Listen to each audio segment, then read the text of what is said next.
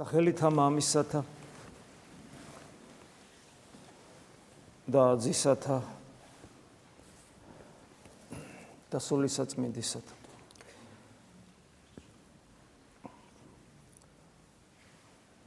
აა როდესაც ახალმოსულები მოდიან ხოლმე სამრევლოში და პირველად საუბრობთ ბუნებრივია რომ ვაკეთებთ აქცენტირებას იმაზე რაც ერთადერთია ისთვისაც აქ ვართ. ერთადერთი. მთავარი არა. პირველი არა. უმთავრესი არა. არამედ მხოლოდ და მხოლოდ ერთადერთი. ჩვენ სხვა აქ არაფრისთვის არ ვართ. ეს არის განკაცებული ღმერთი. ღმერთი რომელიც ადამიანად მოვიდა. და მრავალი მათგანი ახალმოსული. ან მრავალმა მათგანმა. ან არიცის ან იცის უფრო ინტუიციურად ეს ხშირად არის აა ისე რომ არ დაფიქრებულა ამაზე სერიოზულად როდესაც ახსენებს იესო ქრისტეს ვის სახელს ახსენებს როდესაც მის წინაშე ლოცულობს როცა მის ხატს უყურებს როცა ეზიარება თუ ვის წინაშე დგას. როდესაც ამას ამაზე ვსაუბრობ და აქცენტირებას ვაკეთებთ, თუ ვინ არის ის, ვის სახელსაც ჩვენ ვატარებთ და ჩვენ მის სახელს ვატარებთ, აი, როდესაც ბავშვ სახელს არქმევენ მერვე დღეს, იქ პირველი, იქ ფაქტურად ორი სახელი ერქმევა, შეიძლება ასე ითქვას. ერთი, რომელსაც ნათლობის დროს აა ნათლობის დროს საბოლოოდ ნათლობით აღუბეჭდავთ, აა ერთი ეს სახელი და მეორე და პირველი უფრო სწორედ ეს მეორე და პირველი ესე ვამბობთ, რომ მას სამიერიდან ეწოდება დიდი სახელი ქრისტიანის. ჩვენ ქრისტიანები ვართ, ეს ჩვენი უმთავრესი სახელია. ნათლობის სახელი ეს არის მეორადი და კარგია თუ რომელიმე წმინდანის სახელი გვქია, გარკვეულწილად ჩვენ რაღაც მეოხება გვაქვს ამ წმინდანისგან. აა თუმცა ჩვენი ნამდვილი სახელი და ნამდვილი არსი გამოჩნდება შემდგომში, როცა წარდგებით ღვთის წინაშე. ყოველას მოგვეცემა ის თეთრი ქვა, როგორც აპოკალიფსია, სადაც ჩვენი სახელი იქნება აღბეჭდილი. ანუ რა არის ჩვენი შინაგანი არსი? თუ ვინ ვართ ღვთის თვალში? აი უფალი ვამბობს, რომ პროუნება იქ ზოგიერთს, რომ კეთილმოწესეს წმინდა წმინდას ცხოვრებით, ანუ ზნეობრივს ძალიან რელიგიურს როგორ ეუნება უფალი გახსოვთ სახარებაში ეს ორი ადგილია ცნობილი რომ მე თქვენ არ გიცნობთ არ გიცნობთ ერთ ადგილას იმასაც კი ამატებს რომ არ გიცნობთ მოქმედო უშჯულოებისა რომ თუმცა იქ არ ჩანს თუ ისინი რამე უშჯულოებას ჩადიან პირიქით რელიგიური ცხოვრება აქვს ანუ იმის თქვა მინდა რომ ჩვენ ღმერთთან დაგვიფაროს ასეთი ღვთის ასეთი სიტყვისაგან რომ არ გიცნობ მაგრამ ყოველ შემთხვევაში ჩვენ როგორ გვიცნობს ღმერთი ჩვენ ეს არ ვიცით იმიტომ რომ რა ჩვენ როგორც გვიცნობს ჩვენ ისა ვართ ჩვენ რასაც ხედავთ ჩვენში ჩვენ ისა ვართ ჩვენ ეს არ ვიცით მაგრამ ერთი ამენ ნამდვილად ვიცით რომ ჩვენ დაუმსახურებლად დაუმსახურებლად ქვია სახელი ქრისტიანის ქრისტიანი ქვია. ამიტომაც შეიძლება არის რა ვიცი ყოველ შემთხვევაში ჩვენ სხვადასხვა ტრადიციები არსებობს. ჩვენ ტრადიციაში სახელი ქრისტო ქრისტე არ არ ერქმევათ ხოლმე საქართველოს ამ ყოველთვის ეს ტრადიცია არ არის. შეიძლება იმიტომ რომ ისედაც ყველანი ისედაც ყველა ყველას ქრისტე ქვია, ისედაც. და აი ჩვენ ადამიანი რომ მოდის და როცა უკეთებ ვაკეთებთ აქცენტირებას სწორედ იმაზე რომ ქრისტია ერთადერთი ერთადერთი რისთვისაც მოვედ და თუ ვინ არის ვინ არის როგორც წესი მ თვალები რაღაცნაირად უხდებათ ხოლმე ადამიანებს, ზოგს უფართოვდება, ზოგს უშეშდება, ზოგს რაღაცა ხდება ადამიანში, იმიტომ რომ რომ ციცოდეს ადამიანმა ინტუიციურად, როცა რაციონალურად იაზრებს, ეს ესეც ერთგვარი შოკია ადამიანის ფსიქიკისათვის, თუ არ იცის, რა თქმა უნდა შოკია, ხოლო თუ იცის, ინტუიციურად და რაციონალურადაც კიდევ ერთხელ ამის გახსენება მაინც შოკია და ეხლაც როცა ვამბობ კიდევ ერთხელ რომ იესო ქრისტე არის ის ვინც სამყაროს შექმნა ყოვლი შემძლე ღმერთი ყოვლის მყრობელი, ვინც ეცხადებოდა ა ブラ ამს, ვინც ეცხადებოდა მოსეს, ვინც განსაცვიფრებელი ძალნი ხმნა ეგვიპტეში.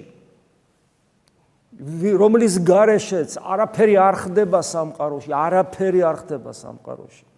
რომლის ძალითაც და მადლითაც დაბადებულნი ხართ, არსებობთ, ცხოვრობთ, გული გიცემთ, სუნთქავთ, გძნობთ, გიყვართ, ყველაფერი, ყველაფერი მისგან არის.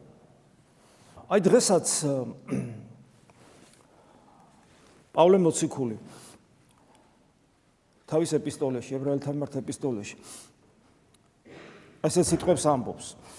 და შენ დასაბამსა უფალო აქ კონტექსში ისეა რომ ქრისტეს მიმართავს. ეს არის ფსალმუნების სიტყვები, რომელიც პავლე მოციქულს კონტექსში თავის თავის წერილში აქვს ჩართული და კონტექსტი ისეა რომ ქრისტეს მიმართავს. ეს ძალიან საინტერესოა. ამით კიდევ ერთხელ გვეუბნება, როცა წმინდა მამები ამბობენ, რომ ძველ აღთქმაში, ძველი აღთქმის ღმერთი, რომელიც თავის თავს ავლენს ადამიანებთან ურთიერთობაში ის არის იესო ქრისტე. განკაცებამდე. ახლა როიციან ხოლმე ეს ეს ლიბერალური მიდგომა რო რაღაც უცნაური, რომ ძველი აღთქმის ღმერთი და ახალი აღთქმის ღმერთი ეს სხვადასხვა, ერთ და იგივეა, ეს ერთი ღმერთია. და აი ამ შემთხვევაში ის ფსალმუნების სიტყვები, როცა დავით მეფსალმუნე მიმართავს ღმერთს, აი ამ კონტექსში აქვს ახალი აღთქმის კონტექსში აქვს პავლე მოციქულს გააზრებული და ქრისტეს უფალოს რო ამბობ კონტექსში ისია რომ ქრისტეს გულისხმობს. და შენ დასაბამსა უფალო ქვეყანა დააფუძნე და ქნულნი ხელთა შენთანი ცანი არიან. ანუ მთელი სამყარო შენ შენ შენ ხბები დასაბამსა. ან დასაბამი რას ნიშნავს? რომ ესე იგი შენ ახარ შემოქმედი. მანამდე არაფერი არ იყო. შენ ახარ შემოქმედი რა თქმა უნდა ამასთან და სულიწმინდასთან ერთად მაგრამ შენ ახარ შემოქმედი. ეს არის ძალიან მნიშვნელოვანი. და აი ამის გააზრება, ამის გათავისება ნელ-ნელა და რა თქმა უნდა ამის პირველ რიგში ამის რწმენა, რომელიც ჩვენგან დამოუკიდებად გულში ხდება და მე შესაბამისი ცხოვრება არის ქრისტიანობა და შესაბამისი ცხოვრების პასუხისგებლობაც დღევანდელ დღევანდელ სამოციქულოში იქნა აღმოკითხული ასევე ისევე ებრაელთა მიმართ ეპისტოლია როცა ის ამბობს, რომ პავლე მოციქული გვახსენებს, რომ როგორ გადავრჩებით, ანუ როგორ ცხონდებით, თუ უგულობას ყოფთ ეგზომ დიდ ხსნას. ეგზომ დიდი ხსნა რა არის?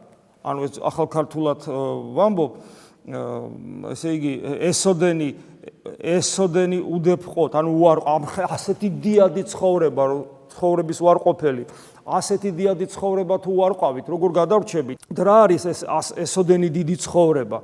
ეს არის ის რომ ესე იგი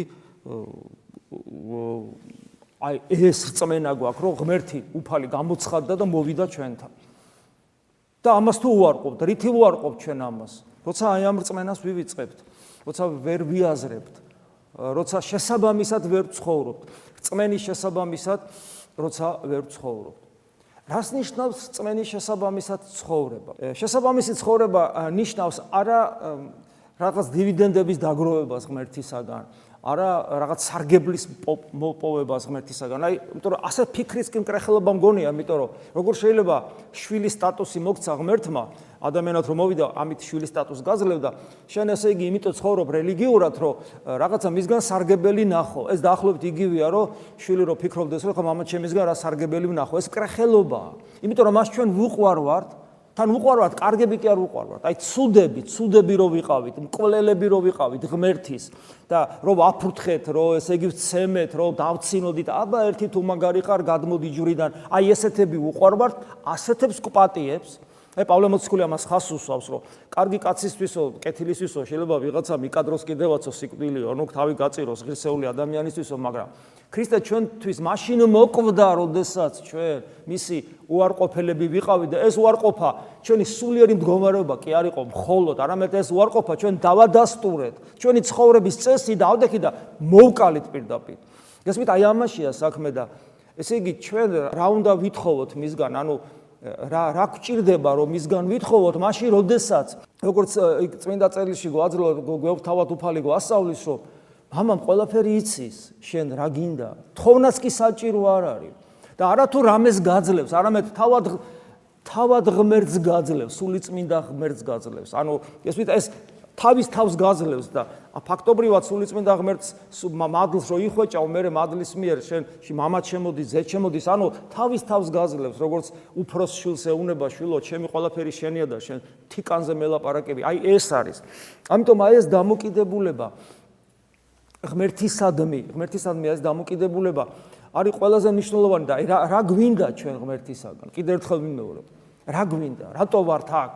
რატო ვართ აქ? ჩვენ ხო ვიცით, რომ რამდენ ადამიანს ვიცნობთ ურწმუნოს, რომელსაც ეკლესიასთან არანაირი კავშირი არ აქვს, მაგრამ აი როგორც ჩვენ გაძლევს რაღაცას, აი როგორც ჩვენ გვაძლევს რაღაცას, საცხოვრებელს, რა განსასწრებლის გვაქვს, მაგრამ სიხარულიც გვაქვს, იქ ბედნიერება გვაქვს, იქ წარმატება გვაქვს, წარუმატებლობა, ну ადამიანური ცხოვრება გვაქვს. ჩვენ ხო ვიცით, რომ არაეკლესიურ ადამიანებსაც, ზოგ შემთხვევაში საერთოდ ურწმუნო ადამიანებსაც აი ესეთივე ცხოვრება აქვს.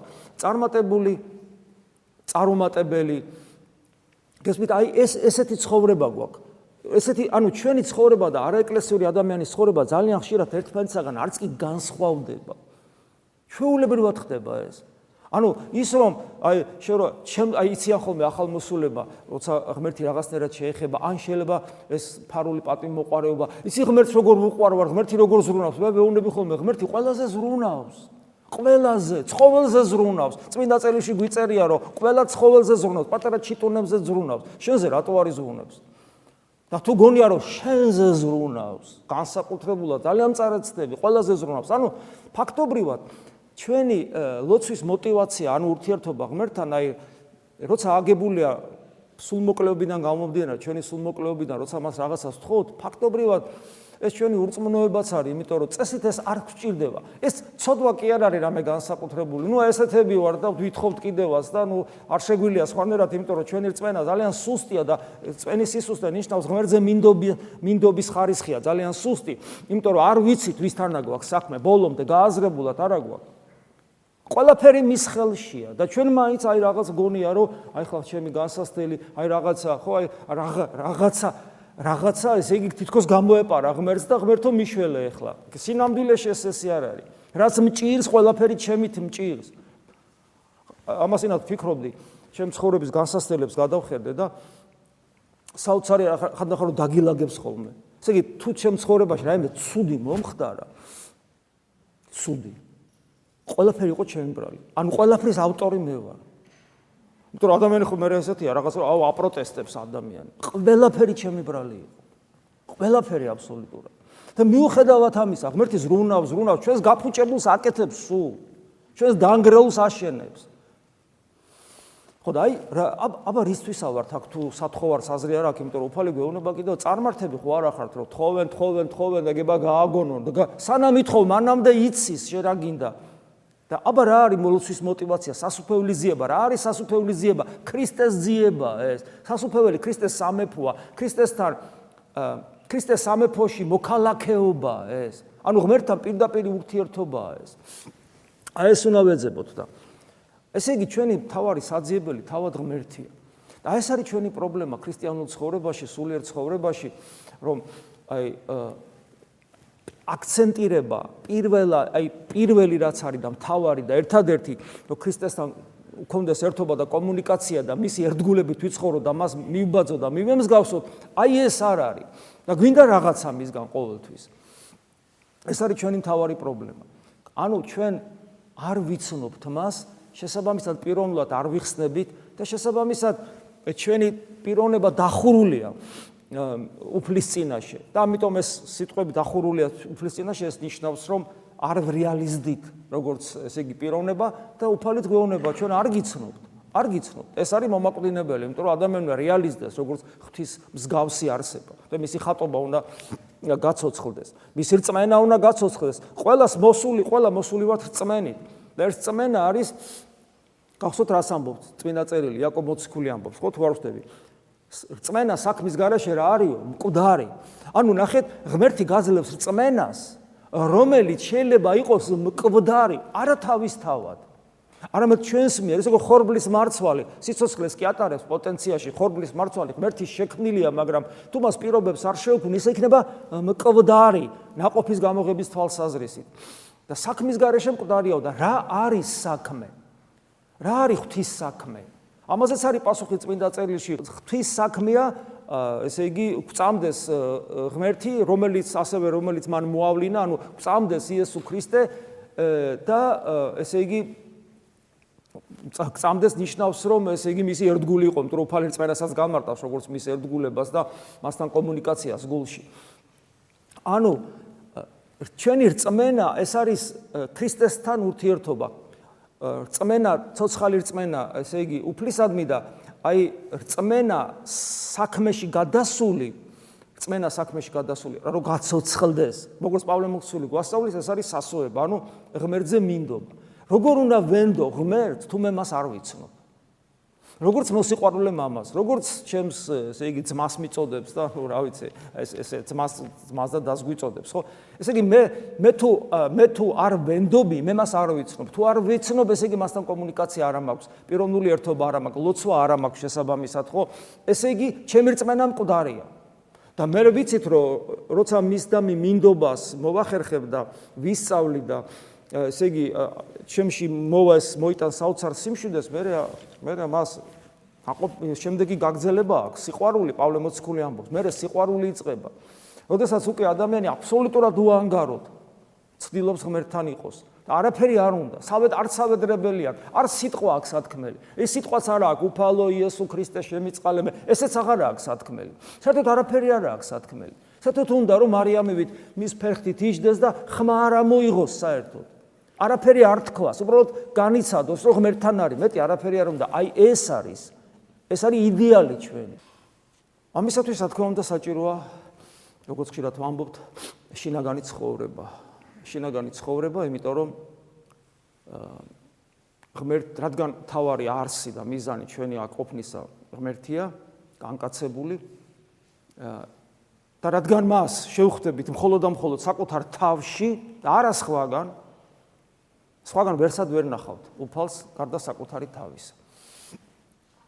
ჩვენ როგორც ლუკას სახარებაშია თუ არ ვწდები ჩვენ ესე იგი უნდა ვიყოთ მისი მოწამე მოწამე ნიშნავს რომ დავამოწმოთ ყველგან იესო ქრისტეს ღმერთობა ოღონ ეს მოწმობა უნდა ვიყოთ ჯერ საკუთარ თავში. ანუ მე უნდა საკუთარ თავში ვიყო დარწმუნებული რომ იესო ქრისტე ღმერთია და ეს დარწმუნებულობა იმდენად ძლიერი უნდა იყოს, რომ აღარ ეტეოდეს, როგორც წყაროს თვალისა უნდა ფეთქავდეს და გადამოედინებოდეს დინარეთ, რომელიც მარადიული სიცოცხლისკენ მიდის და ესე იგი მრავალს დაარწყულებს ამ გზაზე. ჯერ საკუთარ თავში უნდა ხდებოდეს ეს. და ეს ყველაფერი ხდება შიგნით. შიგნით და მართმადიდებლობის არსი ჩვენ ხა პირველი კვირა ქონა მართლმადიდებლობის ზეიმით მარხვაში და დღეს შემთხვევით არ არის გრიგოლ პალამას ხსენება. იმიტომ რომ გრიგოლ პალამა დოგმატურად, როგორც ეს იცით ხა ახალ საარფეს არ ვამბობ, დოგმატის რანგში აიყვანა ის შინაგანი ცხოვრება, რომელიც ყოველთვის არსებობდა ეს რომლის საფუძველს ბიბლიაში ხედავდა მრავალი წმინდა მამა შინაგან ლოცვით მდგომარეობას პირველ საწყის ამას უკავშირებს 60-ში ადამიანის მყოფობას და სამოთხეში ადამიანის მიერ ამ შინაგანი ცხოვრების უარყოფას მოყვა ის რაც მოყვა და როგორც სიმონ ახალი ღვთისმოწყალე ამბობს ადამა ჯერ შიგნიდან შიგნით თქვა უარი ღმერთზე და შიგნიდან განიშორა ღმერთი და მერე დაკარგა ყველაფერი და მე უკვე ესე იგი ბიბლიაში ჩვენ უამრავ ადგილს ხედავთ, სადაც ეს შინაგანი ცხოვრება როგორ ავლენს და რა თქმა უნდა მთელი სისავსით ის თავს ავლენს ახალ აღთქმაში. და აი ეს ყოველთვის არსებობდა, მაგრამ გამოჩნდნენ რაციონალი რაციონალურად მოაზროვნე ქრისტიანები, მხოლოდ რაციონალურად, რაციონალურად კი უნდა ვიკე რაციონალურად უნდა ვიაზროვნოთ, მაგრამ მხოლოდ აქცენტირება რაციონალურ აზროვნებაზე, რომ თითქოს ტვინს შეეძლოს ტრანსცენდენტული ყოფიერების შემეცნება და ეს შემთხვევით არ მოხდა, იმიტომ რომ უფალმა ხო იცის რა პერიოდები დგება. ეს არის მე-14 საუკუნე. ბიზანტიის იმპერია დაიშლება ცოტა ხანში, გრიგო პალამას მერე ცოტა ხანში დაიშალა, უკვე 100 წელიც ვერ გაძლო. მოირღვა ის მართლმადიდებლური იმპერია და ეს მის რკინის მესერი მოერღვა და მორჩა ქრისტიანობა ფაქტიურად აღმოჩნდა დაუცველი, დაუცველი ფიზიკური თვალსაზრისით.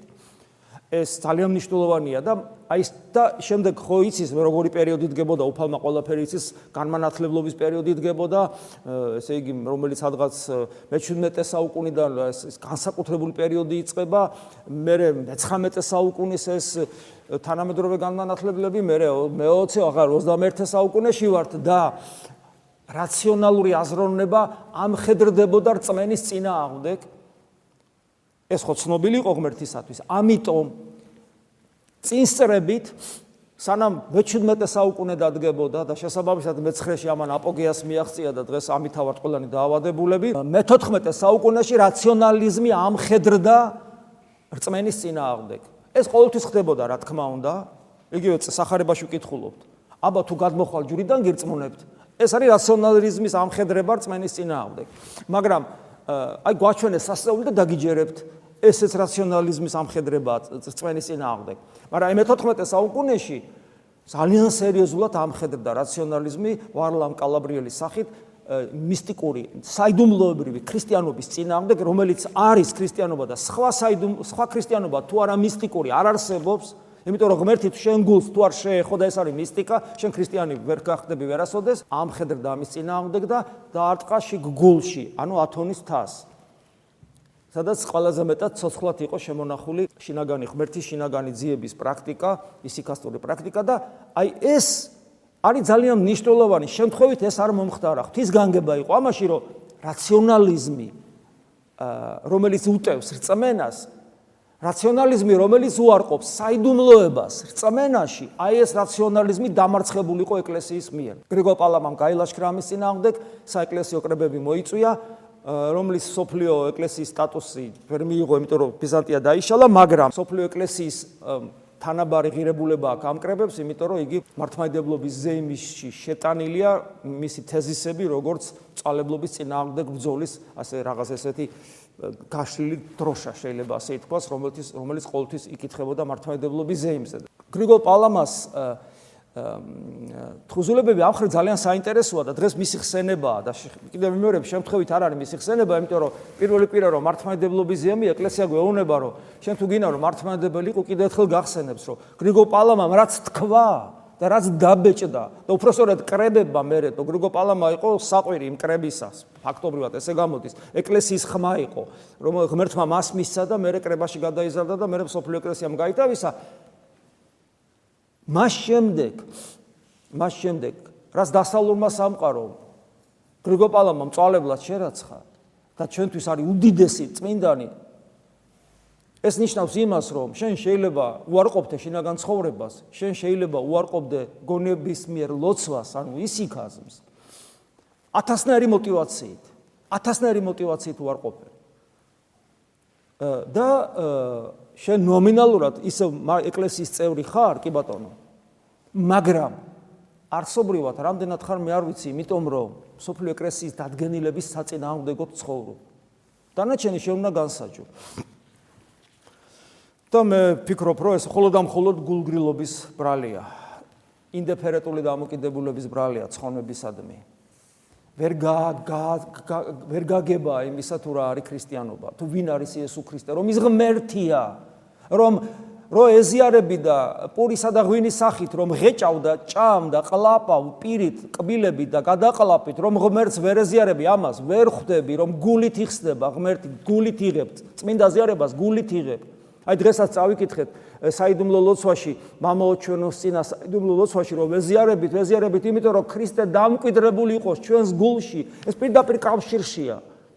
ზიარების აი ეს გარეგანი რელიგიური სარწმუნოებრივი ლოცვითი აქტია ეს რომელიც გულთან არის დაკავშირებული. და როგორ შეიძლება რომ შენ ბაგებით იღებდე ჭამდე და ეს გულთან დაკავშირებული იყოს ისე თუ შენი გული ამისთვის ცალკე არ მუშაობს და არ ემზადება ლოცვით. გესმით? აი ხო ლოგიკური კავშირი ხომ არის? როგორ შეიძლება გულს გულის მიმართ გულის მდგომარეობის მიმართ არხენი დამოკიდებულება კონდეს უგულებელს ყოფდე ეკლესიის სწავლებას გულის განწმენდის შესახებ გულში ჩაღმავებისა და იქ იესოს სახელის მოხმობის შესახებ სწავლებას უარყოფდე ეზიარებოდე და მადლს გულით იღებ და რანაირად მოხდება ეს და არ ხდება ამიტომაც არის რომ ვეზიარებით ვეზიარებით ვეზიარებით ვეზიარებით ვეზიარებით და პირველსავე განსაცდელის დროს მოყვასთან ურთიერთობაში ვმარცხდებით და მოყვას ქრისტეს თვალებით კი არ უყურებთ, არამედ ჩვენი თვალებით უყურებთ. და შენი თვალებით რომ მოყვას უყურებ, ეს ნიშნავს რომ შენი სიმართლით უყურებ, შენი ხიბლით უყურებ. და ქრისტეს თვალებით უნდა უყურებდე, იმიტომ რომ ამდენ ჭამ ქრისტეს ხორცსა და სისხლს. ქრისტე გეუბნება რომ ჩვენს მოსახსენებად ეს ყოველთვის გააკეთე და თუ შეჭამ ჩემს სისხლს და ხორცს, მე თქვენში შემოვდივარ როგორ ახალი სიცოცხლე, მე თქვენში ვარ და როგორ აღარ იყურება შენიდან ქრისტე. იმიტომ რომ ადლი როგორც მოდის ისე მიდის, იმიტომ რომ ადგილს ვერ პოულობს, გულთან დგას და რეკს და შენ არ უღებ ამ გულს, იმიტომ რომ გულზე სპეციალურად არ მუშაობს. და აი დღეს გრიგო პალამას ხსენებაა და კიდევ ერთხელ ეს მე პერიოდულად გიკითხავთ ხოლმე კარკულ ამონარიდებს გრიგო პალამადან. რადგან მისი ხსენება რამდენიმე ამონარიდს წაგიკითხავთ რომ კიდევ ერთხელ დაგვაფიქროს ამათ და სხვათა შორის მინდა გითხრათ რომ გრიგო პალამა პიტაპირ ამბობს რომ ეს ყველაფერი შინაგანი ცხოვრების წესი და შინაგანი ლოცვა და ნამდვილი ქრისტიანობა არის ერის კაცებისათვისაც და მე მრავალი წმინდა მამა ამას პირდაპირ ამბობს. ვისაც სურს მყუდროებაში, ანუ ისიქიაში მყოფობა და ჩაღმავება, მან გონება აუცილებლად უნდა დააბრუნოს და დაატყვევოს სხეულში, განსაკუთრებით კი იმ შინაგან სხეულში, ჩვენ რომ გულს ვუწოდებთ. ეს ანატომიური გული არ არის ხვდებით. თუ კი მოციქულის მიერ ვიგებთ, რომ გამოავლინა ღმერთმან სული ძისათვისისა გულთაშინა ჩვენთა რომლითაც ღაბა ვღაღადებთ აბა მამაო ეს გალატელთა მიმართ ეპისტოლია პავლე მოციქულისა ესე ამბობს ესე იგი ღმერთმა გამოავლინა სული ძისათვისისა გულსაშინა ჩვენთა რომლითაც ვლოცულობთ. ანუ ღმერთს რომ ამას უწოდებთ ეს მამობა რეალიზდება იმით რომ ჩვენში ქრისტეა. თუ ჩვენში ქრისტე არ არის ჩვენ მამ ჩვენ მამაო ჩვენოს ვამბობთ ეს როყიოთ ნათქვამი არაფერს არ ნიშნავს მაშინ სული წმინდასთან ერთად. ნუ თუ გულში არ უნდა ვლოცულობდეთ ეს ყველაფერში ვლინდება ყველაფერში. ადამიანი რო წინგს კითხულობს აი პრაქტიკაში ესე გვასწავლიან ადამიანი რო წინგს კითხულობს თქვა ფსალმუნებს კითხულობს მას გულის მიერ ლოცვა უჭირს. თუ ამის გამოცდილება ცალკე არ აქვს. იმიტომ რომ მისი ყურადღება გადატანილია წიგზე ფურცელზე. ადამიანი რო ხატთან დგას და ხატს უყურებს ან ლამას ცას უყურებს ან ზემოთ იყურება ტაძარში კონქში ხატია და რაღაც ზემოთ იყოს, აი სადაც მზერა გაქვს. შენი გონების მიერი ენერგია მიდის იქითკენ და ხელი შემშლელი ხდება. ანუ ეხა ციგნით საჭიროა ხატიც და ლამაზი ბუნებას განგვაწყობს ლოცვისათვის, მაგრამ აი აი აქ არის კითხვები უნდა გაჩნდეს. აბა აბა ხატილისთვის არის. აბა აბა რა ვქნა? აბა სად ვიყუროთ? ადამიანები კითხვებს არ სვავენ. ადამიანები ემოციურად განიცდიან ლოცვას, მხოლოდ ემოციურად. რომ საოცარი სიტყვებია. გზნობას ეხება. მაგრამ ეს სულაც არ ნიშნავს, ადამიანი შიგნით არის ჩასული და გულში ლოცულობს. მაშინ სული წმინდასთან ერთად ნუ თუ გულში არ უნდა ვლოცულობდეთ, ამათ ქრისტიანებს ეუნება. იგი ვარლამ კალაბრიელი ლოცვებსაც კითხულობდა და ხატების წინაშეც იდგა. და გძნობას ჰქონდა და განათლებას ჰქონდა და ყველაფერი ჰქონდა. მაგრამ ენახეთ აი ხას უსვავს, სული წმინდასთან ერთად ნუ თუ გულში არ უნდა ვლოცულობდეთ. თუ კი უფლის მიხედვით სასუფეველი ღვთისა შორის თქვენსაა, აი თქვენ შორის არის, ამაში ერთ-ერთი განმარტებით ეს არის, შიგნით სასუფეველი, ანუ ღვთის სამეფო, ანუ ქრისტეა ჩვენში. ამიტომ სამეფო ჩვენშია. მაშინ ნუ თუ ცათა სასუფეველის გარეშე არ დარჩება ის, ვინც მთელი ძალებით ცდილობს საკუთარი გონების, საკუთარი თავის შიგნიდან გარეთ გაყვანას, იმიტომ რომ ვარლამ კალაბრილი ეკამათებოდა რა გულში, რა ხორცში, რა ხორციდან არ გახვიდე, რა სხეულიდან არ გახვიდე, ილოცე რა ესე, რა ხელები აღაპყარე და ილოცე. ადრეს გითხარით, ხო, აი ექთიმი ათონელის კონდაკში გამოვა ახლა ეს კონდაკები ჩვენ სამღდელოებისათვის პირდაპირ არის. ღდელმან ხელაპყრობით და თავ მოხრით ილოცოს. ესეც სიტყვებია. ხელაპყრობა, ხელის აპყრობა სიმბოლოა. ღმერთთან ერთობისა, მაგრამ რატო თავმოდრეკით? მას თავიც აწია ზემოთ, ხო? არა, იმიტომ რომ თავი დაბლა, გულისკენ უნდა იყოს ზერა მიმართული და ეს შენიშნა ძალიან კარგად არის ექვთიმე თაწმინდელის მიერ იქ მოცემული ამ კონტაქტში, სამგდელო კონტაქტში. ჩვენ კი პირიქით გონება შეეულისა და გულის შიგნით კი არა, არამედ იმის იქით. ნახეთ, ჩვენ კი პირიქით ქრისტიანებს. გონება შეეულისა და გულის შიგნით კი არა, არამედ იმის იქით კიდევ უფრო შიგნით შეყვავს. აქ მინიშნება კიდევ ერთხელ ეს ანატომიური გული არ არის, რაღაცა სხვა არის. მისტიკასთან აქვს გვაქვს საქმე, მაგრამ ადამიანი ეს არის. ადამიანი თუ ის არის, ასაც ხედავ, მაშინ წვენა სადღა და სული სად არის და უკრავება სად არის. საქმეც იმაშია, რომ ადამიანი გაცილებით მეტია ვიდრე ჩვენ ვხედავთ. და აი გონების მიერი მზერით ადამიანი იყურება იქ, რასაც ჩვენ ვერ ვხედავთ, მაგრამ აი ეს უცნაური რაღაც ხდება ადამიანი, რომელიც ასე ცდილობს ლოცვის სწავლას, მოძღვარი ჭირდება ამას, რა თქმა უნდა. იმიტომ რომ ადამიანს მე მოჩვენებები ეწება. იმიტომ რომ ადამიანი ამპარტავანია, ადამიანი ამაყია. ადამიანი განკითხველი, ადამიანი ადამიანი ფიქრობს, რომ სხვა ჯობი, ადამიანს არ აქვს პავლე მოციქული სიმდაბლე, რომ ცოდვილებისთვის მოხვედი უფალო, ოღონ ყველაზე ცოდვილი მე ვარ. არ აქვს ეს ადამიანს. დრო არ აქვს, რაღაცას რო აკეთებს, გონია რომ მაგარია და მე კიდე უფრო მაგარი ხდება და კიდე უფრო ზემოდან უყურებს ხოლმე. ამიტომ ჭირდება მოძღვარი ადამიანს, რომელიც მიანიშნებს, რომ არასწორად ხარ, არასწორად იქცევი, არასწორი გამოცდილება გაქვს, არასწორი ურთიერთობა გაქვს, რომ ვიღაცამ გითხრას, გითხრას, გითხრას, დაიჯერებ, დაიჯერებ, არ დაიჯერებ და კი იქნები ისე. ესე ხდება. აუცილებელია გონების სხეულის შიგნით შეყვანა, სულ ამაზე აკეთებს აქცენტს. და მისი იქ ნებისყოფით გაჩერება. მანამდე სიმონახალი ღვთისმეტყველი ამბობს, ეს მე-14 საუკუნეა. მანამდე სიმონახალი ღვთისმეტყველი ამბობს, რომ როგორც აი ხელში რო რაღაცა რაღაცა ღრუბელს ამბობს ის თუ რაღაცა დააკავო წყალში, გაუშვებ ამოვარდება.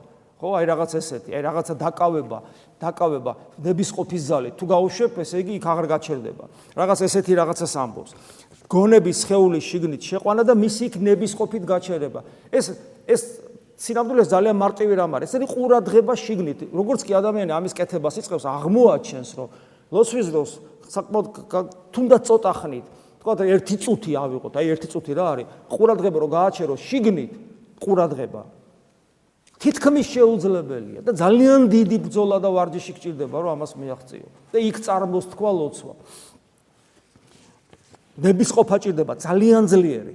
ამიტომ ვინც ლოცულობს შინაგანი ლოცვით, მას ნებისყოფა ძალიან უძლიერდება. მის იქ ნებისყოფით გაჩერება საჭირო. განსაკუთრებულად მნიშვნელოვანია საკუთარ თავში ყურება.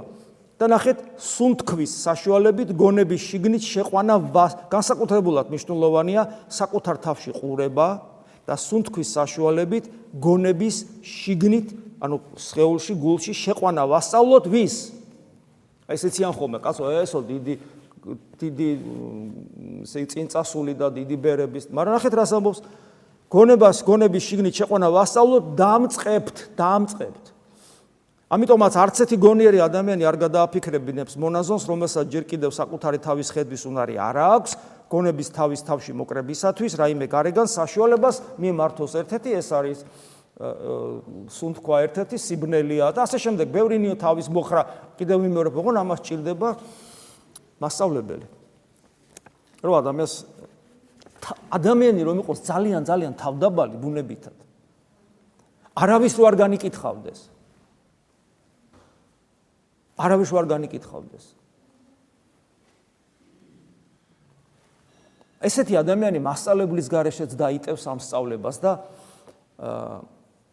ესე იგი ღმერთი ასწავლის მას. ჩვენ სინამდვილეში ლოცვის მასწავლებელი მოძღვარი კი არ არის. ლოცვის მასწავლებელი არის ღმერთი. მოძღვარი სხვა რამისთვის არის საჭირო. მოძღვარი საჭიროა რომ შე რომ ამაყი ხარ და ამპარტავანი ხარ და გამკითხველი ხარ და სხვების გამჟელი ხარ, აი იქ მიგანიშნოს თორე თუ შენ არავის არ განიკითხავ მაშინ მაშინ ღმერთი თავად გასწავლის. სხვა შემთხვევაში, მაგრამ ჩვენ რადგან ყველანი ყველას განვიკითხავთ, ამიტომ ჩვენ გვჭირდება. ყველას ვისაც სულიერი ცხოვრების გამოცდილება გააჩნია ეღიმება მათზე რომლებიც არა გამოცდილების არამედ თეორიული მსჯელობის საფუძველზე საწინააღმდეგოს ამტკიცებენ ეს სულ ხდება არა კაცო იესოს ლოცვა ის კაცებისთვის არ არის. იესოს ლოცვა მარტო მონაზვნების ან მონაზვნები თქვენ იესოს ლოცვა ძველი მამებისთვის იყო. არა კაცო ხა მოძღვარი არ მოძღვარი ჭირდება მოძღვარი სად არის და ამიტომ ვერ ისწავლი ამას. არაკაცო მარგინა თავი გაანები ამას ნუ გააკეთებ სულ ხდება ეს ესეთი საუბრები.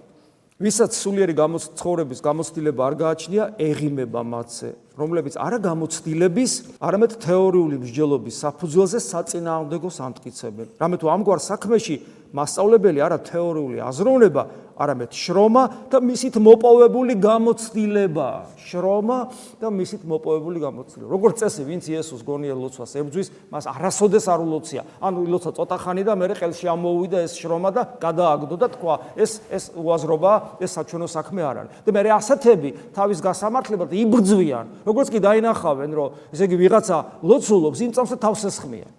ან ამბობენ ხიბლშიაო. ეს ძალიან ადვილია რა, ხიბლშია და მურჩა. რომელსაც სასარგებლო ناقოფი გამოაქვს ამ გამოცდილებას, რომელიც თავის ხრივ ყოველი კამათისა და მხილების სურველის მსჯელობას უნაყოფოს ხდის, უნაყოფოს ხდის ეს გამოცდილება. ანუ ისი თქმა უნდა, ამით გრიგოპალამას, რომ ვინც ამას პრაქტიკაში აკეთებს, მას ვერანაირი ქირქილი, ვერანაირი განკითხვა, დაბრალება რო ხილფშია, ვერაფერს დაამარცხებს. მათი ცდილობები უნაყოფოა. ნაყოფია, ბოროტი ნაყოფი ვერ გამოაქვს, იმიტომ რომ ვინც გაიგო ღმერთთან ურთიერთობა როგორ უნდა და ცხოვრებას ამას უძღვნის, მე მას ვერაფერი ვეღარ გააჩერებს. რომელია ის ადგილი, სადაც ყველაზე მეტად გვიტევს და გვირტყავს ბოროტის სული? განასხეული არ არის? ჩვენ არ ვიცით, არა გვაქვს ამის გამოცდილება? რომლის შესახებას გვასწავლის მოციქული, რომ ჩემს ხეულში არ არის კეთილი, პავლე მოციქულის სიტყვების პერიფრაზირება, რომელთა მიმართ ეპისტოლეში. ჩემს ხეულში არ არის კეთილი, არის ჩემში სიკეთის ნდომა, მაგრამ როგორ აღვასრულო სიკეთე, ამას კი ვეღარ პოულობ ჩემში ამის ძალას. ესე იგი, მისი უყურადღებოთ, ანუ სხეულის უყურადღებოთ მიტოვება არ შეიძლება. როგორ დავიმორჩილოთ სხეული, როგორ არ დავკარგოთ, როგორ მოვიგერიოთ მასზე ბოროტის სულის თავდასხმა, რომელთა წინააღმდეგ ბრძოლა არც კი ვიცით, თუ ყურადღებას გარეგან ფორმებს არ მივაქცევთ, აქ არის ფსიქოსომატური მხარე ლოცვის. ანუ გარეგანი ფორმები, ეს სუნთქვა იქნება, თავის მოხრა იქნება, სიბნელე იქნება, ყველაფერი გეხმარება, გეხმარება, გეხმარება, გეხმარება, გეხმარება, გეხმარება, ტაიმერის დაყენება იქნება, გეხმარება, გეხმარება გარეგანი ფორმები, როგორც თქვა, რომ თუ გეხმარება, საუბრობთ უნდა გააკეთო და გონიერება ის არის, რომ არა უგრძალო ადამიანს, თუ ეხმარება, რომ ყურადღება გულში კონდეს. იმიტომ რომ სხეული არ გვემორჩილება. ზოგიერთნი ლოცვის მოწინააღმდეგეები ალბათ ფარისეულობით არიან დაავადებულნი. გრიგო პალამას სიტყვებია ჩემი არა. ამიტომაც არ სულთ დაიცვან და განწმინდონ შინაგანი ჭურჭელი. უფლის სიტყვები გახსოვთ შინაგანი ჭურჭელი გაწმინდეთო და გარეთ გასროწმინდა შინაგანი კიდე სიბინძურით არის ავსეო და ჭურჭელი ედარდება ქრისტეს? ჭურჭელი სამზარეულოს ამბებზე საუბრობს? ეს სიმბოლოებია. ამიტომ არ სულთ ფარისეულობის სულით რო არიან დაავადებული განწმინდონ შინაგანი ჭურჭელი. ანუ გული არ მისდევენ რა მამათა გარდა მოცემას. ისინი ჩქარობენ ვითარცა ახალი ჯულის მოძღვარნი გიყვართო თავში ჯდომა და რომ დაგიძახებენ რაბი რაბი აი ამას სახარების იმადლს იხსენებს გიყვართო ისინი არ ჩქარობენ ვითარცა ახალი ჯულის მოძღვარნი ყოველთაზე და დასხდომას სწორედ ასეთნი უარყოფენ უფლისაგან გამართლებული მეზვერისეული ლოცვის სხეულებრივ ფორმას და სხვა მლოცველთაც აპკოლებენ. რას როგორ ძანებს უფალი сахарებაში? მეზვერი იგი შორს იდგა და არა იკადრებდა თვალთაზე ახილვად. ანუ ესე იყო მოდრეკილი. და ფარისეველი აი ესე გაფხენძილი იდგა გახსოვთ. სწორედ ამგვარი გარეგანი ფორმისაკენ ისრაფიან ისინი რომლებიც ლოცვისას ყურადღებას საკუთარი თავისკენ მიმართავენ. წმინდა მამები კი ახალ დამწყებებს სწორედ იმას ასწავლიან და განუმარტავენ გასაგება და ნათლად, რაც ასე ეწინა, რასაც ასე ეწინააღმდეგებიან ეს ახალი ჯულის მოძღვარი. ახალი რატო ამბობს? აი ძველი ფარისევლები რო იყვნენ, ეს ახალი ფარისევლებიო, ესე ამბობს. რომლებიც ამ ლოცვას ეწინააღმდეგებიან, ისინი ახალი ფარისევლები არიან, ამბობს. ეხლა თუ მე-14 საუკუნეში ბერნი იყვნენ, წარმოგიდგენიათ დღეს რა დღეში ვართ. ასე რომ ისიქასთან ბრალდებელნი ანუ გონების მიერი ლოცვის ბრალდებელი, არა მხოლოდ კეთილ საქმეთა ناყოფების დაუნახავნი და ცხოვრებისეული გამოცდილების მყარი და უდაო საფუძველს მოკლებულნი, არამედ წმინდა მამათა სწავლების მიმართაც სრულიად ყრუნი არიან. მე იმედი მაქვს, რომ გრიგო პალამას ეს რამდენიმე სიტყვა, რომელიც მისი დიდი შრომის ნაწილია, აა ფიქრობ კიდევ ერთხელ იქნება პირადად ჩემთვის შემოლაწუნება, გამოფხიზლება, რომ კიდევ ერთხელ გავიაზრო, სად ვიმყოფები, მე ვიმყოფები ქრისტეს წმინდა ეკლესიაში, რომლის უმთავრესი პრაქტიკა ეს არის უფლისძიება და ყველაფერი და უფალთან ერთობა, მასთან კომუნიკაცია, მისი გაცნობა, მისი გაცნობა როგორც ტკბილის მისი გაცნობა როგორც მოსიყვარულე მამის რა თქმა უნდა უმაღლეს მდგომარეობაში მას იცნობდნენ როგორც ნათელს.